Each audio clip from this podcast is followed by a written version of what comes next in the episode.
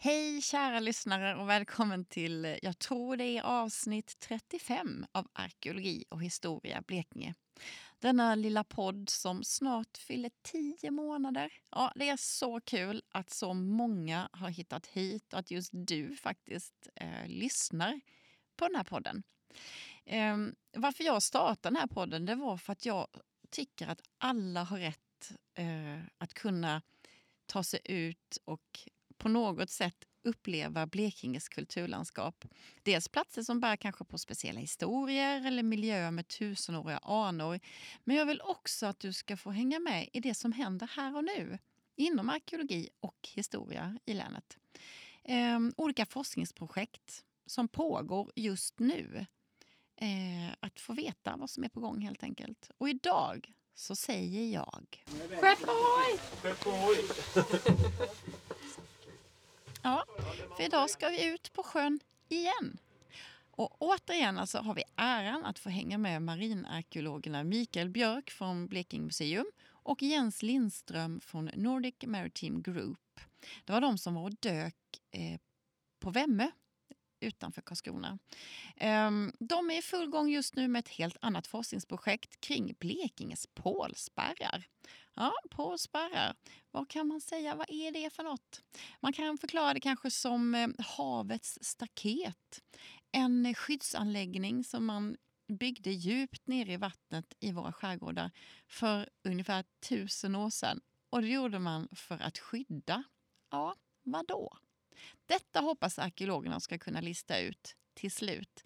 Fast först måste de undersökas. Man ska sätta in dem i ett slags sammanhang med samtida landarkeologi och sen, sen kanske vi förstår dem lite bättre. Igår begav jag mig till Slättanäs söder om Listerby, varifrån vi begav oss. Med på båten fanns också doktoranden Andreas Olsson från BTH eh, från Nationellt undervattentekniskt centrum och han var med för att testa en ROV. Det är alltså en undervattensrobot. En liten maskin som till exempel används inom offshore-industrin för att arbeta med gasledningar eller vid oljeplattformar eller i havsforskning eh, generellt. Men i det här fallet ska den användas för att titta närmare på just pålspärrar och vrak i den blekingska skärgården. Ni kommer också höra en annan eh, röst röst lite i bakgrunden, en, eh, en mansröst. För på den här båten finns också BLTs Christian Hylse som gör ett reportage för Blekinge Läns Tidning. Och som vanligt så görs podden i samarbete med och med bidrag från Länsstyrelsen i Blekinge. Så, då ger vi oss ut och som vanligt så blir det ljud och ingen bild så blunda, koppla på fantasin så kör vi.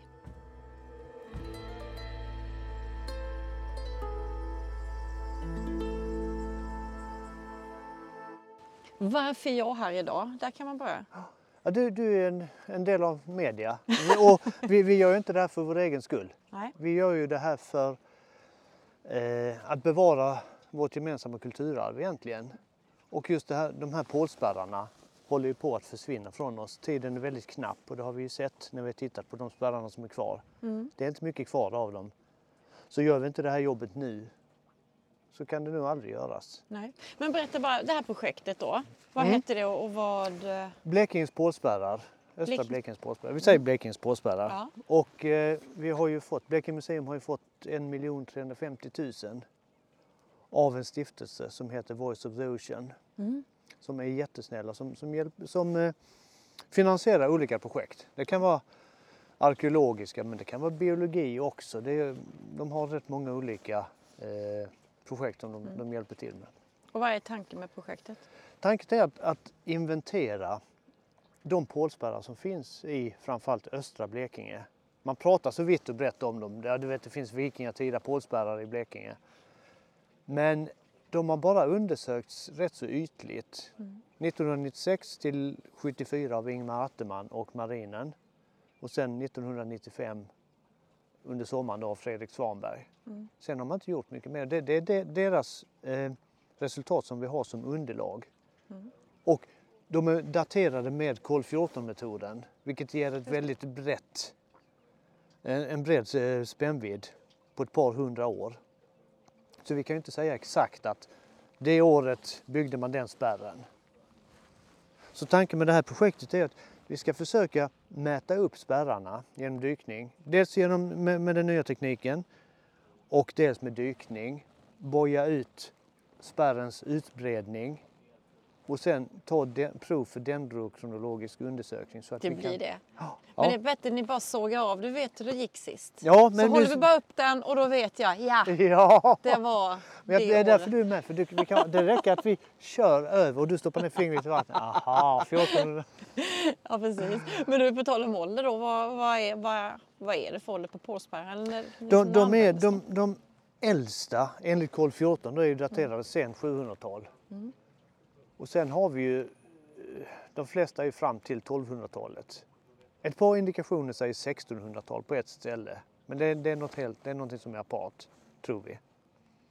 Men, men om vi säger i snitt första halvan av 1100-talet. Så det är från, ska vi se då, från strax före vikingatid. Ja, eller Och- ja, vikingatiden. Till vikingatid. bö- början, den äldre vikingatiden och framåt till in i eh, yngre medeltid. Så det spannet rör vi oss i. Men de flesta är troligtvis, utan att ha undersökt det, från eh, första halvan av 1100-talet. Det är ett tag sedan då. Ja. Eh, vrak, eh, Statens maritima och transporthistoriska museer, gjorde ett jobb för Länsstyrelsen förra året utanför Lyckeby. Ja, just det. Och de fick ett, den, lyckades få ett dendroprov. Och det sa 1113, 1114. Och det är precis det spannet som, som vi rör oss även här utanför Listerby och eh, utanför Hallar, eller söder om Hallarumsviken. De här spärrarna anlades ju av en anledning. Det var inte att man tyckte att nu ska vi bygga en spärr bara för att det är kul. Utan det fanns ju en anledning. Där borta har vi Jotahammars eh, gravfält. Är det det man vill ha skyddat? Spärrarna är ju enormt stora komplexa anläggningar. Eh, Busseviksspärren består ju upp till 15 000 pålar.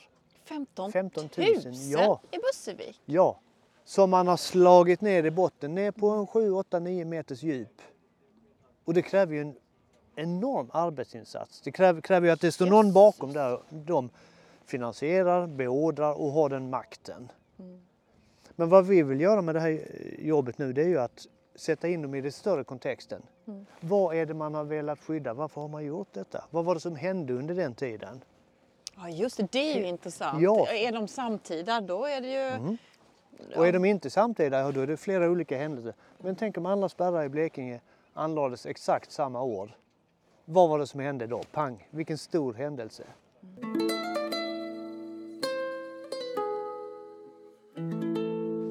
idag så, så börjar vi. Jag ska hänga med här ju. Mm. Ut lite. Vad är det ni gör idag? Idag, idag kör vi sonar framför allt. Sidescan sonar som är ett sidotittande ekolod. Så får man, då kan man spela in och man får, får en realbild och vi kan få GPS-positioner på alla objekt vi hittar. Och, och eh, hitta, när vi hittar något intressant då ska vi gå ner med den här ROVn. Oh, det ser ut som en, eh, en spindel Ja. utan ben. Ja, fast det, den är från BTH då. Den har åtta motorer. Den, kan man, den filmar, fotograferar, Wow! går att styra Får på man alla ta en olika bild sätt. på den? Ja, det tror jag. Ja, ja, ja. Nu kör vi då. Nu är det ju utrustning och sen eh, i sommar så dyker vi. Vi har dykt lite här och tittat på pålarna. De, de är i ett bedrövligt skick. Det är hög tid att göra någonting åt det nu. Men hur stora var de då? En, det som vi har titt, nu har vi tittat på två spärrar. En där och en lite längre och när du söderut. säger eh, tittat på en spärr, för jag läste någonstans att det stod att det fanns att de skulle undersöka eh, 20 spärrar Totalt ja. I, totalt. ja. Och då är det hela konstruktionen med allihopa. Ja, då, då är det härifrån och så bort Lyckeby Mm. och sen Hallarumsviken. Ja, ja. Här har vi väl ett, man, vi vet inte riktigt. Det är inregistrerat på Fornreg eh, 8-10 stycken. Men vad är pålspärr och vad är fiskanläggning, vad är dykdalb? Det måste vi titta på. Just det. Och så avbröt jag dig där. Hur stora var de när de gjorde dem? Alltså när de körde ner. Vad är det för... Trä, trä, ja, det är olika trädslag. Ja. Ek och lind och bok och björk och i princip Man allting. använde det man hade. Ja, fast mest ek. Och ja, 20-25 centimeter. Men herregud, hur fick de ner dem? Ja, och det vet vi inte heller. Var det på vintern man gjorde hål i isen och bankade ner dem? Eller hade man någon prom som man rodde ut med och pålade? Och men det är ju ett jätte, jättejobb. Ja, ja, ja. Och vi vet ju inte heller. Och Stack så de sitter upp? de kvar nu tusen år senare. Ja. Men, och vi vet ju inte om de stack upp över ytan eller om de låg under. Nej, om de skulle vara avskräckande eller att de skulle fånga fienden. Sen har vi hög och lågvatten. Just det. Och sen vet vi inte hur de såg ut där uppe, var de spetsade eller var det flottörer som låg och flöt ovanpå som höjdes och sänktes med tidvattnet. Vissa grejer, speciellt vid Busseviksbergen, så eh, tyder vissa pålar från, från 60-talet att det var så. Man har hittat flottörer. Men det är framförallt alltså den stora bilden. Det är det, ja. Ja. Så, men så- det, då är ni ute och rekar idag. Idag är det sånt ja. Mm. Och det här projektet, ja, sen var det sommarens dykningar. Tre Och veckors då, dykningar. Ja, precis. Och då tänker jag komma ut igen Ja, ja, ja absolut. och vara med. absolut. Det är kul. Ja. Mm. Mm. Vi besöker, vi från podden. Ja. ja, men det är jättebra. Och sen håller det på i två år då. Ja, sen, kör, Mm. sen eh, ska detta då skrivas för sommaren och sen så kör vi igång nästa år igen. Får vi se vad vi landar i. Spännande. Ja. Spännande. Och sen ska ju detta sättas ihop med landarkeologin. Det, ska inte, det får ju inte vara två olika vetenskaper utan Nej. det ska ju vara, det, ska, det är ju samma. Ja, ja, naturligtvis. Eh, Det som var i vattnet får skydda skyddar ju inte vattnet Nej, kanske, utan det som är precis. på land. Då. Men vad är det som har gjorts och vem har kunnat beordra den här enorma arbetsinsatsen? Ah, vad kul. Ja. Det är Och, spännande. men, men sen är de ju, som jag sa, de är i jättedåligt skick. Mm. De håller ju på att försvinna. Vissa, vissa syns ju inte alls. Nej. Många är ju översedimenterade eller borta, finns bara kvar nere i sedimentet. Men eh, alltså, finns det även lite smalare sådär, eller hur? Det är ol- olika. Jag har jag- några små filmsnuttar. Jag har ju det, jag glömde jag skulle tagit med mig den. Jag har ju ett hus som sagt för Stora Hammar Mm, som ja, ligger ja, ja, precis, precis, vid precis. Busseviksbergen Ja. nästan. Ja. Och i somras var en son kom hem med den låg och flöt. Ja, det sa du. det ja, sa jag du. tror jag skickade den till dig. Ja, då, ja, då, och så ja, då. tänkte jag det, den är tusen år gammal. Jag Ja, försöker med allting. ja, ja, ja. Eller så är det bara en vanlig stolpe som de har haft när de har gjort en kurs. Man vet inte. Du får ju dat- datera den och det kostar ju ett antal tusen. Mm, Ja, ja, ja. Skulle jag- det visa sig att den är från ett båtberg då har du ju då är det ett ingrepp i en fornlämning. Och det vill vi inte heller. Den låg ju och Ja. flöt ju. Är det ett lösfynd.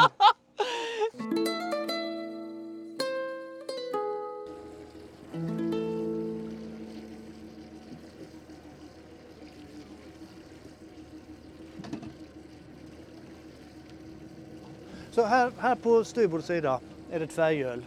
Det är det som är färgen, ja. Ja. Och eh, ja, då har vi li, en liten bit till, jag ska säga, 100 meter till innan vi kör över spärren. Och den, den, den här spärren är så pass hårt eroderad så vi såg inte den alls med eh, eh, sonarutrustningen. Och då, om man, om man, när man är här tänker, vilket jobb att bygga den här spärren. Men sen också frågan, varför gjorde man det? Vad var avsikten?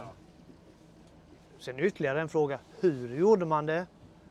Var det på vintern med, med vakar eller hade man någon flotte, någon båt, ponton, rodde ut och slog ner det här? Nästa fråga, om det ligger en spärr här, varför ligger det då inte en där eller där? Så att det finns ju otroligt många frågor. Det, det, det är ett riktigt häftigt ämne att fördjupa sig i. Och det är lite konstigt att, att man inte har gjort det tidigare. Tänker jag. Ja, det är ju länge sedan. Ja, det är ju 20, alltså 27 år sedan. Och då gjorde Svanberg det. Läser lite som du sa med alltså, resurser. Ja, Ekonomi. Ja, ja. är det det. är det ju absolut. Och marinarkeologi jämfört med landarkeologi är ju tre gånger så dyrt. Ja. I alla fall. Plus att det är värdekänsligt. Mycket, mycket mer utrustning. Men hur har den upptäckts? Alltså när hittade man den här? Den här, nästan alla de här spärrarna har ju påträffats av, av fiskare som gick och hottade ål. Och slog ner med sina ljuster eller saxar i botten. Och så fastnade de i trävirke. Och den här, den här kände inte Atterman till på 60-70-talet. Men däremot så var det en fiskare som hette Olsson, kanske en släkting, som, som eh, berättade för Fredrik Svanberg. Så Svanberg kom hit och dök 95 och, och eh, upptäckte den. Och den går då... Ja, vad har vi den? Där bort. Den går, nu har vi precis kört över den.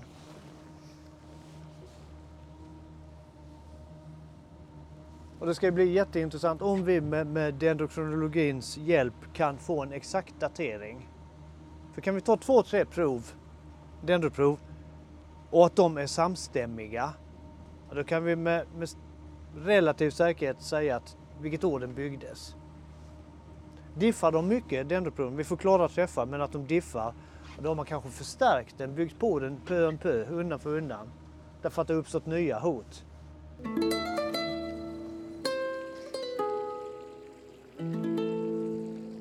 Eh, Badu, v- var är vi någonstans? Nu har vi båten har stannat. Båten har stannat, vi har kört ner och nu eh, ligger vi strax nordväst om Östanö. Japp. Vad händer nu? Här, nu ska vi sätta ner sonaren, en sidescan sonar. Eh, som, som då är ett sidotittande ekolod kan man säga. Den ser ut som en, eh, Skuddmissil. ja, en missil som Ja, ja. lite otäckt det- utseende. Det är jätteintressant att flyga med de här, särskilt om man ska utomlands. Man blir ofta så här. Yes, Lidström, could you come to the security? What's in your bag? Så här. Ja, Det har hänt alltså? Ja. Det har hänt, Ja, ja. ja. ja. Då får man förklara att det är en missil med sladd. Så det, det går inte så långt. vad gör vi nu Ja. då? Jo, så nu, nu ska vi stoppa, köra ner sonaren i vattnet. Och då söka av botten. Och den, den kan man ställa in så att den söker olika långt på de olika sidorna. Vad kommer vi att köra för range idag? 50? 50 meter ut åt varje håll blir det. Ja. Och får vi en indikation då sätter vi ner vår ROV. Alltså den lilla eh, robot, undervattensroboten Ja. som filmar och plåtar. Ja. Och just, just där vi är nu, nordväst om Östanö, då har vi, vi har pålspärrar från Östanö upp till, eh, Kvalmsö. Vi har en spärr från Kvalmsö som går ner till Helgö där. Vi har en, en spärr som går från eh, Östanö upp till eh, Helgö. Så just nu befinner vi oss i Nordens mest eh, pålspärrstäta område. Och det, det är detta område som kallas trekanten. En spärr där, en som går ner där och en som går så. Och vad kan det tyda på? Alltså det måste ju varit ett viktigt område då. Väldigt, väldigt viktigt område. Men eh, ja, tolkningen är fri. Det, det är jättesvårt att säga. Vad var det som man ville skydda, spärra av här? Här har vi ju då. Eh, där är ju det som kallas trekanten. Helgö, Kvarmsö, Östanö. Men man är överens om att det var för att skydda. Det, det är man ganska... Ja. ja, skydd, skydda, ta tull, ja. stänga ute, stänga inne. Mm. Det finns olika teorier. Ja. Men just den här dendrodateringen, att, att kunna datera dem, det kommer ju snäva av frågorna väldigt, väldigt mycket. Vi kommer att förstå det på ett helt annat Precis, sätt om vi ja. vet. Men när man ser den så här, det är nästan som de skulle kunna jaga in folk här som lägger Ja, sig. ja. Tvinga in och sen Mm. tätta, bara tätta igen eh, hålen ut. Ja. Om vi sen flyttar oss framåt, det, detta är vikingatiden, om vi flyttar oss framåt till eh, 1600-1700-talet, då kallas det här området där vi befinner oss nu kallas för Torkö hamn. Ja, ja. Ja. Och eh, troligtvis har man då eh, ankrat skepp här under 1600 och 1700-talet. Kanske större skepp, krigsfartyg.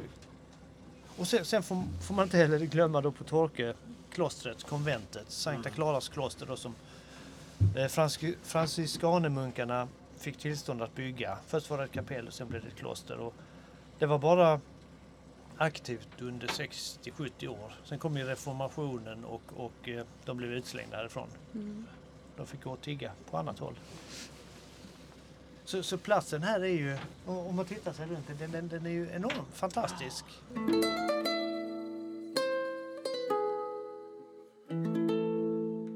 Och jag, jag pratade med, med fiskarna inne i, i Slättanäs hamn. De har ju ingen aning om någon pålsbär. Vad är det för något och Nej. varför?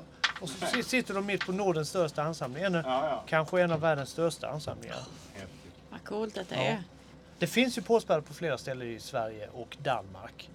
I Finland finns det ett par, men de är, de är inte riktigt identifierade. Och i England, Frankrike finns det också ett par bevarade upp i de stora floderna som byggdes för att spärra ute vikingarna. Ja. Men här, Men är- det beror på att vi har den här, inte har masken här. Ja. ja, skeppsmasken. Mm, mm. tar Det är reda- så salt vatten här. Det. Ja, det, det är för låg salthalt. Ja, Det- ja. masken. Så. Mm. Eh, den, den kan ju komma in med ballast, vatten här, och gnaga lite grann. Ja. Men den kan inte föröka sig, fortplanta sig här. Nu måste vi kolla vad Jens gör här då. Mm. Mm, det blir spännande. Kopplar ihop, sätter ihop utrustningen här. Så nu har jag dragit in sonarkabeln här som går till den här sonarfisken som, som jag har lagt sänkt ner i vattnet nu. Så den ligger ungefär en halv meter under ytan. Ja, den är nere nu, den Ja. bomben. Eller den. Ja, missilen. Missil. En torped. Och så kopplar jag in den till den här dosan då, som omvandlar sonarsignalen då till eh, en signal som man kan visualisera i datorn då, i, ett- i ett datorprogram. Så, så den ligger där och åker med och så glider båten då? Ja, Eller så det kan till. precis. Mm, mm. Och då Och till det här så ska man ha en GPS också så att man får position. Så då, då kan man liksom hitta tillbaks till de objekt som man kan eventuellt hittar då. Mm. Så det är lite, Spännande. det är lite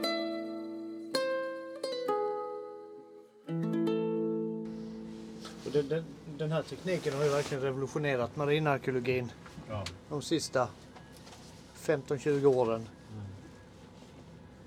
Helt andra förutsättningar. Det är därför om, om mång- många av de här stora vraken och, och andra upptäckterna har kommit fram. Ja, ja, ja. Idag har man även sidescan sonar i sådana här enklare sjökortsplottrar. Så, Ja. så det här åker ju fritidsfiskare runt med Mm. idag. Ja, nu var det inte så bra bild just här. Men det, man kan förklara, en sidescan sonar, det är ett sidoseende ekolod. Så, så ett vanligt ekolod tittar ju rakt ner och mäter djupet. Du får en punkt på djupet. En sidescan sonar har två e- ekolod i sig som ser ut snett neråt på sidorna och då gör saker som sticker upp på botten, det blir en skugga bakom. Och det kan visualiseras då i, i datan, i datamaskinen här. Här, här någonstans på Helge ska det finnas en stor sten som i folkmun kallas Helge Asle. Eller Arsle. Arsle. Ja, och ut, strax utanför den börjar pålspärren som går upp nordöst. Ja, ja. Jag vet inte vilken sten det är igen. Men vi- vi, har- vi har ju mer historia här i det arkeologi. Vi, vi har ju tillbaka till bronsåldern. Ja. Så det, det, har, det arkeologiska börjar ju inte här med, med järnåldern utan det är ju det är ju väldigt bra bosättningsplats för jägare, samlare naturligtvis här.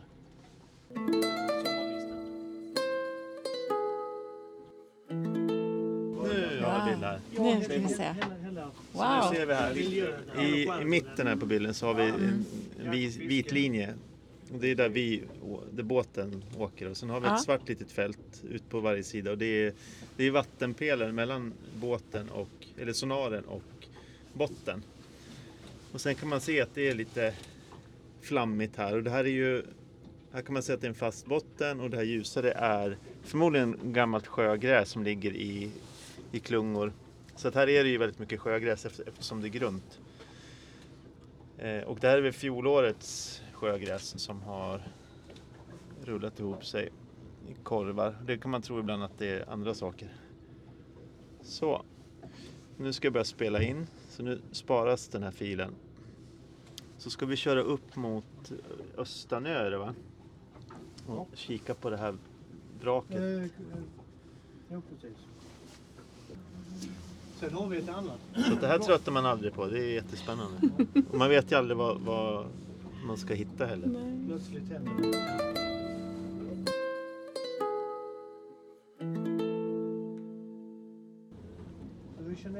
Vad, titt, vad är det du tittar efter? Alltså, Man tittar efter eh, anomalier brukar man säga. Eller avvikelser. Det som avviker från den nat- naturliga botten. Och då när vi letar pålspärrar då vill vi hitta ett område där det, där det sticker Vi vill se små svarta linjer som blir skuggor av de här pålarna. Vi var ute här igår och körde, men det är rätt svårt att hitta de här för de är så himla korta, de är liksom kanske bara några decimeter över botten. Och då ligger det en massa sjögräs runt omkring så blockerar det signalen och gör att det blir svårt att upptäcka dem. Så att det är så det är ganska jobbig botten att köra sonar på men när man kommer ut alldeles strax och kommer djupare då kommer man se lite tydligare. Det ser ut som så här tigerkaka.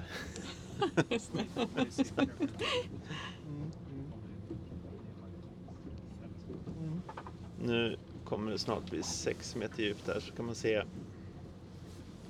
Och då är det så att olika material på botten ger olika hårt eko. Så stenar, ett stålfartyg till exempel, ger väldigt stark eh, reflektion. Medans, Wow, det ser ut som Nu. ett månlandskap. ja, nu kommer vi ut utanför det här sjögräs, grunda sjögräsområdet. Nu, nu har vi 6 meter. Och nu, nu har vi en, eh, en renare botten här utan massa sjögräs och så har vi eh, kan man se här att det ligger lite objekt. Det kan vara stenar. Där har vi någonting. Det skulle kunna vara en sån här sjögräskorv som har rullat ihop sig eller något sånt. Eh, Vi hade ju en indikation igår på de som skulle kunna vara pålar. Ja, Om vi kom, det var ju strax, ja det var väl ungefär. vi är i det här området, Mm. precis. Får du någon samma? Fördelen med när man spelar in så här, det är att man kan sitta sen på kontoret och gå igenom i lugn och ro, nå- något Ja, det bättre är ljus. jättesmart. Nu har vi Men här-. Det här skulle ju kunna vara, det har lite, det är vä- vä- väldigt små prickar. Vilka, vilka är det du pekar på då? Det är där till exempel. Det skulle kunna vara, men det är som sagt det är svårt att se. Och sen får man ju se om det finns sådana. Där har vi någonting. Nu kommer här. Det kommer nu vraket snart va? Jag tror jag ska sänka lite. Ja, Eh, Man ser vaket där. Ja, du kommer att se det på, på sonaren. Eller ja, vi gjorde det igår i alla fall. ja om det ligger kvar. får vi hoppas. Vad var det för ålder på det vraket nu då? Eh, sent eh, 1800-tal. Jaha, det var inte slädövervaket här? Nej, detta ja, Jarramas heter detta. Jarramas. Eh, ska se. Där är bryggan va? Och det, det, vi har det där. Är det det som är vraket? Det? Ja, Som ser- precis. Wow. Det har inte jag fattat hur det var. Men ni ser ju sånt. Ja, det. Det sticker ut och skiljer sig så.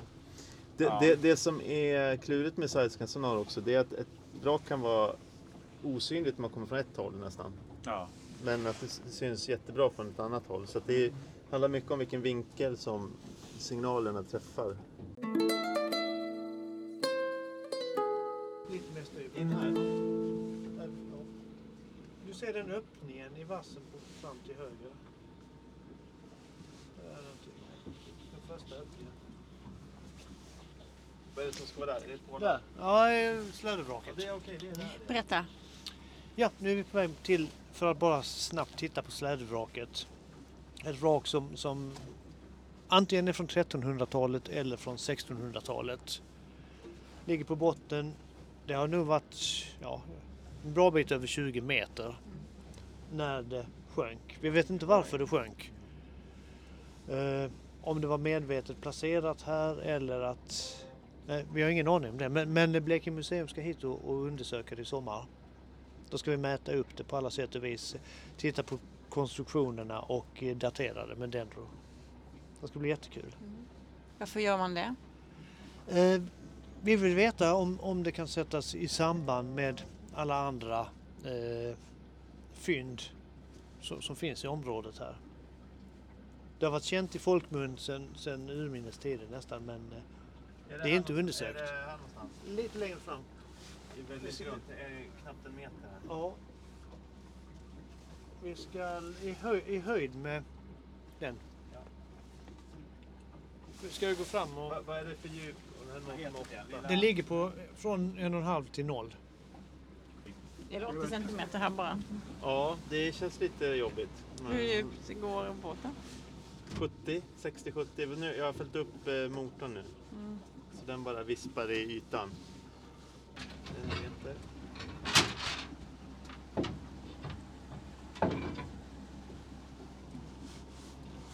Ja, här ser vi vasskanten nu. Och han kollar efter det eller? Får man gå ut och gå fram till honom? Ja, det får rann inte i bara. Jo då.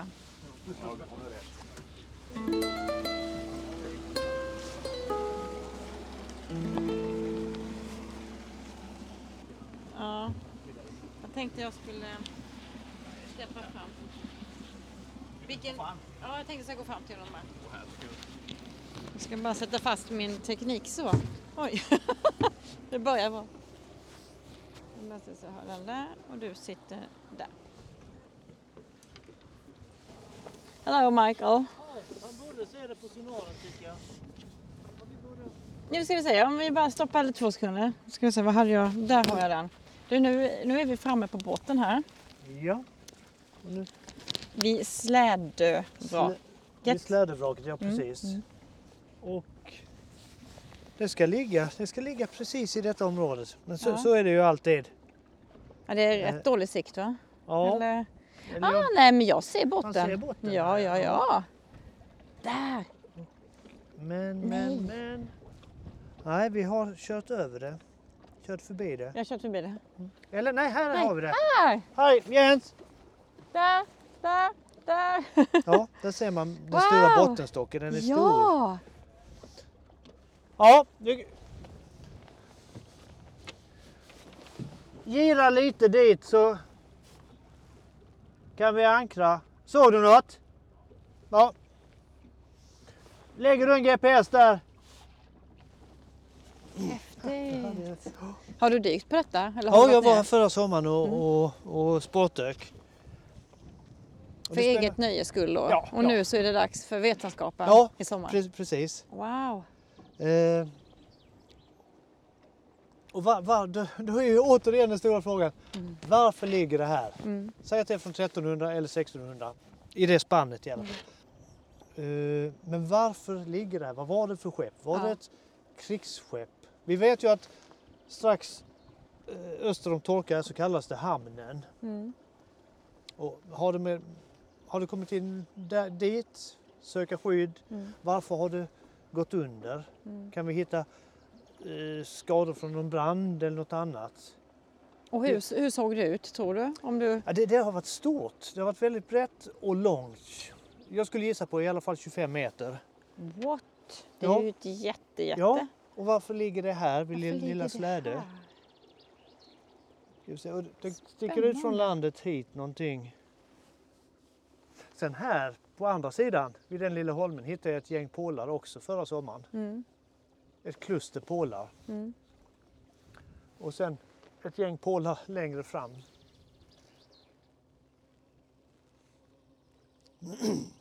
Ja, det är spännande. Ja, Men i, idag är det inte många frågor man får svar på. Men Nej. som detta nu, det dyks i sommar på detta då. Ja. När får man veta mer om det? Oj. ska jag slänga?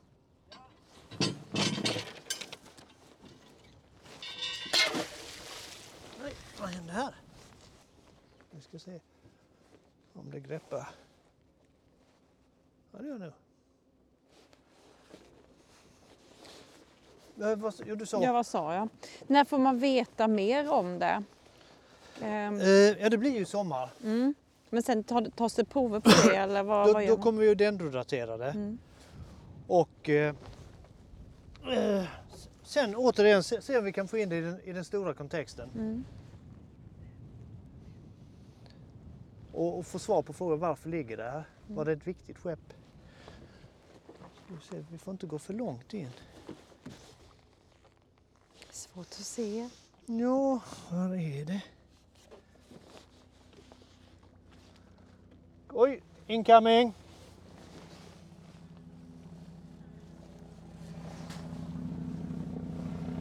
Oh, håll för öronen!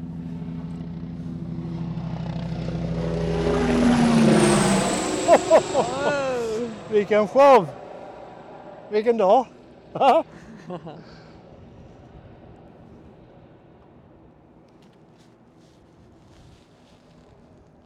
Rakt över oss. Det De ser du inte ofta. Nej. Tänk vad, Så. vad lågt den kom. Det var riktigt häftigt. Så, du såg vraket Jens? På... Okej, då kan vi inte se det med vattenkikaren härifrån. Nej. vi, vi kan inte ankra i vraket. Nej, vi gör inte det. Ah, ja, skitsamma. Det är fornlämning. ja. ja, men ni har fått se vraket i alla Ja, fall. jag såg. Ja, det gick att se. Ja, Ja. Det, det ser ut Men där, där ligger vraket. Så Där har jag hittat ett kluster pålar. Jag bara gjorde snabbt översim. Och även akter över pålar som gick Okej. Så att det är också en väldigt komplex miljö här. Men frågan är då varför vraket ligger här. Det är för att det har sjunkit. ja! Alltså, säkert 25 meter långt skulle jag Ja. tro. Och brett, stort. Nu kommer de igen här. Nej, jag går ner till det. Men du, ska vi köra bort och köra ner eh, ROVn på Jaramas? Ja, det kommer jag göra. Så får vi testa. Så kör vi sonar sakta. Kanske hålla lite närmare eh, Andra sidan. vagnen. Ja. Om vi bara skulle köra rakt upp i, på fastlandet nu, kommer vi upp mot, mot eh, Vång och det här området då? Ja, upp Mm. mot Västra Vång. Mm. Och, och då har vi ju framförallt jä- järnålder hela vägen rätt upp. Mm. Där är vi lite senare, slädevraket. Ja. Vi har otroligt mycket järnålder. Pålspärrarna, vi har massor av gravar, vi har eh, olika fynd. Silverskatten uppe i, i Vång som är en av Sveriges största. Som är då tidig 1100-tal. Eh, Men så hela det här området det är ju från tidigt, alltså från Ja. järnålder och framåt väldigt ja, hett. Ja, absolut, absolut. Och, Och, då, och då gäller det ju att, att slå ihop landarkeologin med den maritima arkeologin. Mm, Att se helheten. För, för att kunna tolka. Vi ska ju inte bara se de lösa fynden, vraket där eller den pålspärren där utan Nej. hela stora kontexten. Vad var det som hände under den tiden? Mm. Var kom det, om vi pratar då yngre järnålder, kom det då ilskna vänder från, från södra Östersjön upp hit och plundrade? Skriftliga källmaterialet säger att de gjorde det. Det var mycket på Listerlandet men även österut i, i Blekinge. Kom det balter och letter hit och också plundrade eller var det vi som plundrade dem och slog ner pålspärrar för att skydda oss mot deras hämnd? Vi vet att Valdemar den store, den danske kungen då på tidigt eh, mitten 1100-talet genomförde korståg österut i Östersjön. Mm. Framförallt mot, mot vänden då. Då kom det danska korsfarare och for förbi hit. Kan de här pålspärrarna sättas i, i samband med det? Mm. Vi ser den eken som har brakat. oj vad det har brakat en ek. Ja, Men det, det är en sån fantastisk miljö. Ja ekarna går ekarna. hela vägen Ja. ut, alltså det är bara en meter in så står de. Ja. Just, just ut där vi är nu, där hittar jag ett, ett stråk med pålar som gick en bit ut. Jag följde den inte hela vägen. Nej. Men här kan mycket väl ha varit en pålspärr som spärrade av sundet mellan Släde och Vagnö. Men om man säger så, vad kan, vad kan pålspärrar säga mer? Om vi, om vi nu säger, vi, vi låtsas att det är så att de visar samma tid, de här pålen, Mm, pålspärrarna. Eh, och så kanske vi kan binda det då till några vissa år och så. Ja. Men kan det säga något mer det här, du nämnde innan bara att, att organisationen av att, att, att man har gjort det här, alltså, kan det säga något mer om samhället i sig? Ja, det, det, om, om pålspärrarna får samma datering då vet du att det var det en specifik händelse som inträffade. Något stort som påverkade hela regionen och fick de styrande att, att ta det beslutet att nu lägger vi ner jättemycket tid, pengar och, och arbetskraft för att skydda oss. För då, då, kan, då kan vi se att en händelse. Om det sen diffar inom varje pålspärr om vi får olika dateringar där då kan vi kanske misstänka att de underhölls, att det här hotet var över en längre tidsperiod, 50, 100, 200 år. Man var tvungen att underhålla pålspärrarna. Om vi ser att det är helt olika ålder på pålspärrarna utanför Listerby jämfört med Lyckeby eller Hallarumsviken. Om, om det skiljer 100 år mellan de här tre platserna, ja, då har det varit olika hot där. Eh, Så, så, så vi kan förstå utvecklingen av länet, framförallt östra delen av, av Blekinge då. Men från, mellan vilket spann har man hittat eh, pålspärrar? Sådär. Sent, sent 700-tal fram till 1200-tal. Men en del... Så det, alltså det är ju då alltså 500 år om man ändå använt Ja. sig av den tekniken så att säga. Ja. Ja. Men, men då är det kol 14-metoden. Ja. Och den är inte exakt. Eh, kan vi, och, och vår tanke är ju nu att lyckas med, med dendrodatering. Mm. Och då kan vi förhoppningsvis få en mycket, mycket mer precis datering av, av eh, skeendet här. Vad, gör, vad gör ni sen då med Marne, oavsett vad, vad det kommer fram till? Vad, vad händer efter alla dykningar? När, alltså när vi har gjort de fysiska dykningar och så här nu under två år och så. Ja. Vad, vad händer sen? Då, då, då ska ju rapporten vävas in i utvecklingen av Blekinge. Mm.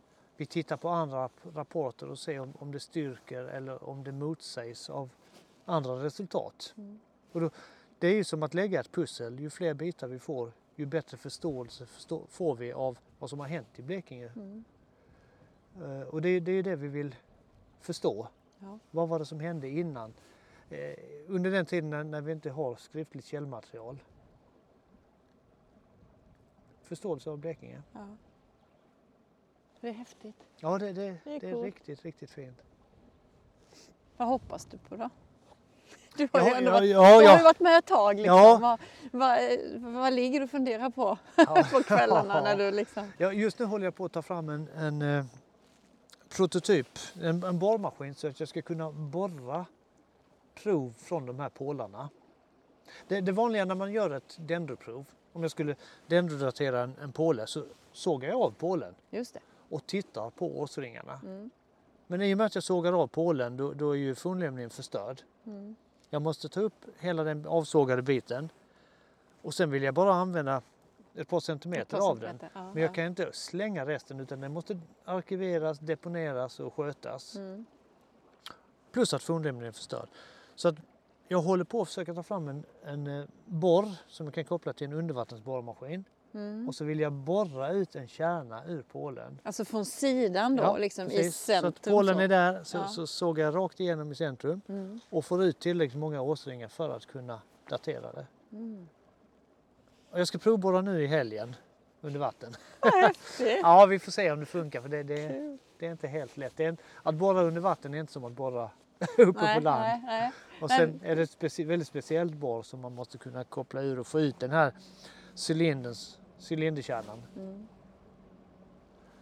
Så, ja. Men anna- annars får vi såga naturligtvis. Ja. Försök undvika det. Men nu är vi, alltså hela projektet, nu är vi här eh, och här ska det dykas i sommar. Ja. Nu är vi alltså utanför Listerby, Mm. söderut Ja. i vattnet. Ja. Vad, är det, vad, vad ska vi sen? Sen, sen, sen flyttar vi oss eh, öst, österut. Ja, ja, du är ju med. Du, du, du är ju dateringsexperten. Sen flyttar vi oss österut och nästa sommar 2023 kommer vi då att dyka eh, söder om Lyckeby Ja. där det finns ett antal spärrar. Mm. Och även längre i, eh, längst österut söder om Hallarumsviken. Mm. Där vi har bland annat Busseviksspärren och Bussevik. Skällöspärren. Det finns tre spärrkomplex där Okej, ja. eh, som, som är mycket intressanta. Det kan finnas fler som man inte vet. Ja, det, det finns det med, med, med all säkerhet egentligen. Mm. Och det, en del av projektet är också att, att söka efter sådana. Mm.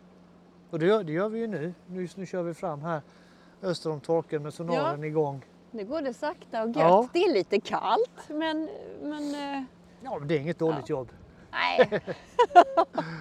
Sämre kan man ha det. Ja. Det är ett spännande projekt och vi, jag, Blekinge Museum är ju otroligt tacksamma då mot stiftelsen Voice of the Ocean. Det, det måste man nämna. För de har ju gått in med 1 350 000 kronor i detta projektet utan några krav. Fantastiskt. Ja, det, det är helt för underbart. forskningens skull och för hela Blekinges Ja, stor historia är ju helt grymt. Ja.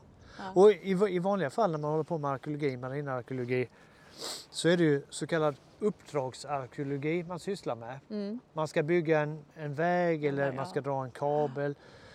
Och då får man bara undersöka precis där vägen eller kabeln ska gå. Mm. Detta projektet är ju ett renodlat forskningsprojekt. Mm. Här vill vi få fram ny kunskap. Arke- alla arkeologiska, arkeologers våta dröm att få Ja, 1,3 verkligen. miljoner så. Ja, ja, ja. ja.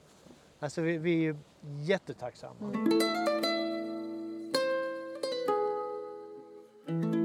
Spännande. ju- just den här yngre järnåldern är, är ju fantastisk här ute. Ja, det är, en, det är en häftig tid ju. Det är en från, tid. från att gå från den förhistoriska och, och trampa in i den historiska Ja, in, tiden. in, Det- in i medeltiden Ja. och det händer ju så mycket här i Blekinge att vi blir vi är svenska och sen blir vi danska Mm. säger de få källorna som finns. Vi blir kristnade i mitten, Mm. troligtvis mitten av 1100-talet. Av, av eh, vad heter han, biskop Gino, tror jag han var. Mm. Ja, han, han kristnade det, det vild, den vilda folkstammen som kallades blekingar. Bara det. Har du läst detta? Ja, Står ja, det så? ja, ja, så står det. Det, vild, Blekingarna var redan då var det vilda det folkslaget. vilda folkslaget. Ja. ja, ja. Och innan det så hade, hade då Blekinge tillhört sveonerna. Det kunde Wulfstan konstatera i sent 1800-tal när han seglade förbi här. Till, vänster, till babord så, så låg Blekinge som tillhörde sveonerna. Sveonerna. Och till, öst- till, på styrbord sida så låg en holm, som måste varit Bornholm då, som tillhörde danerna.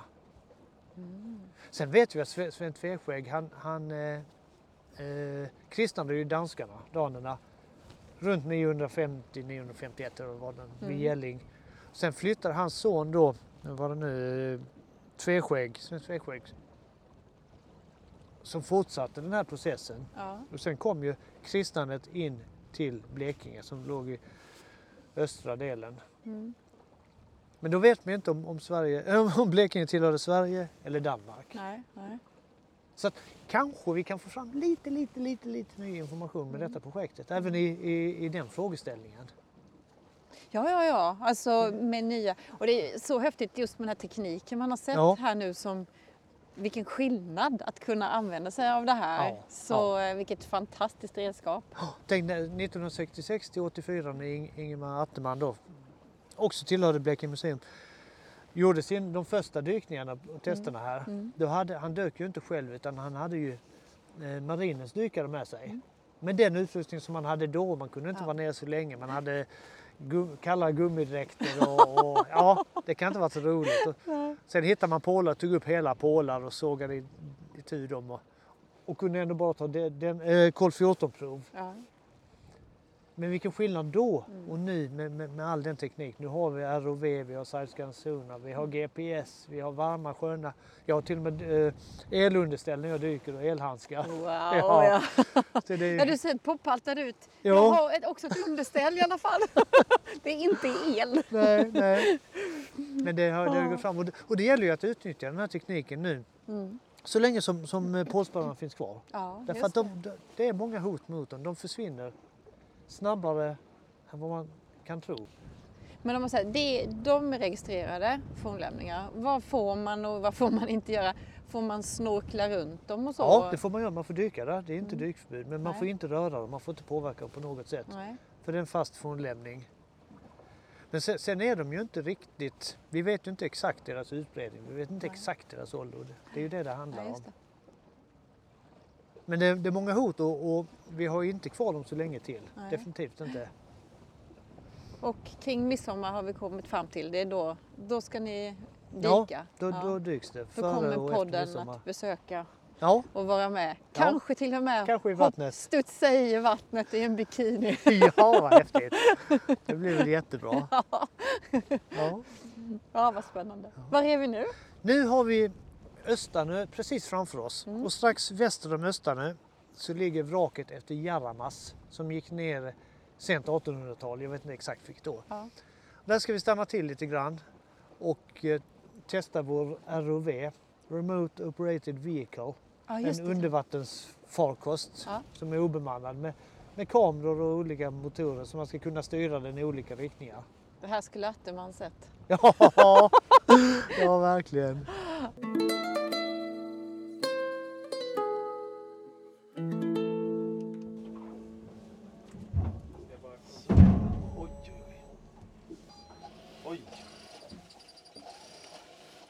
Kolla! det är den ja. Se- Det är kul. Ja, Xbox. Ja. Xbox One. Toys for boys. Ja men gud. Nu är vi nere vid botten. Nu ska vi se. Men du, nej, då står vi här igen. Bara, nu har vi fått ner den där. ROV, ROV Remote Operated Vehicle, Mm. som är en liten obemannad farkost som Andreas då från BTH har med sig. Och det, nu, har, nu har vi kört ner den och nu ska vi testa den på ett vrak som ligger här i närheten. Vraket efter Jarramas som sjönk sent 1800-tal. Men vad betyder det med en sån här utrustning? Det, det gör ju att om, när vi är ute och kör eh, sonaren, om vi får indikationer så behöver vi inte ta på oss dykutrustning varje gång. Kan vi skicka ner RVn och titta. Jaha, det är en påle eller nej, det är något helt annat. Det, var, det, var, det sparar ju väldigt mycket tid. Ja. Så att det, och det är ju, Vilken fin bild. ja, verkligen, verkligen. Och då kan man ju säga exakt position, djup, temperatur, grader från båten. Mm. Får ju väldigt mycket information där. Nu tror jag han håller på att köra upp den till ytan. Men, men Där utrustningen är funkar ju väldigt bra. Lilla maskinen, så söt. Det är som en drönare fast...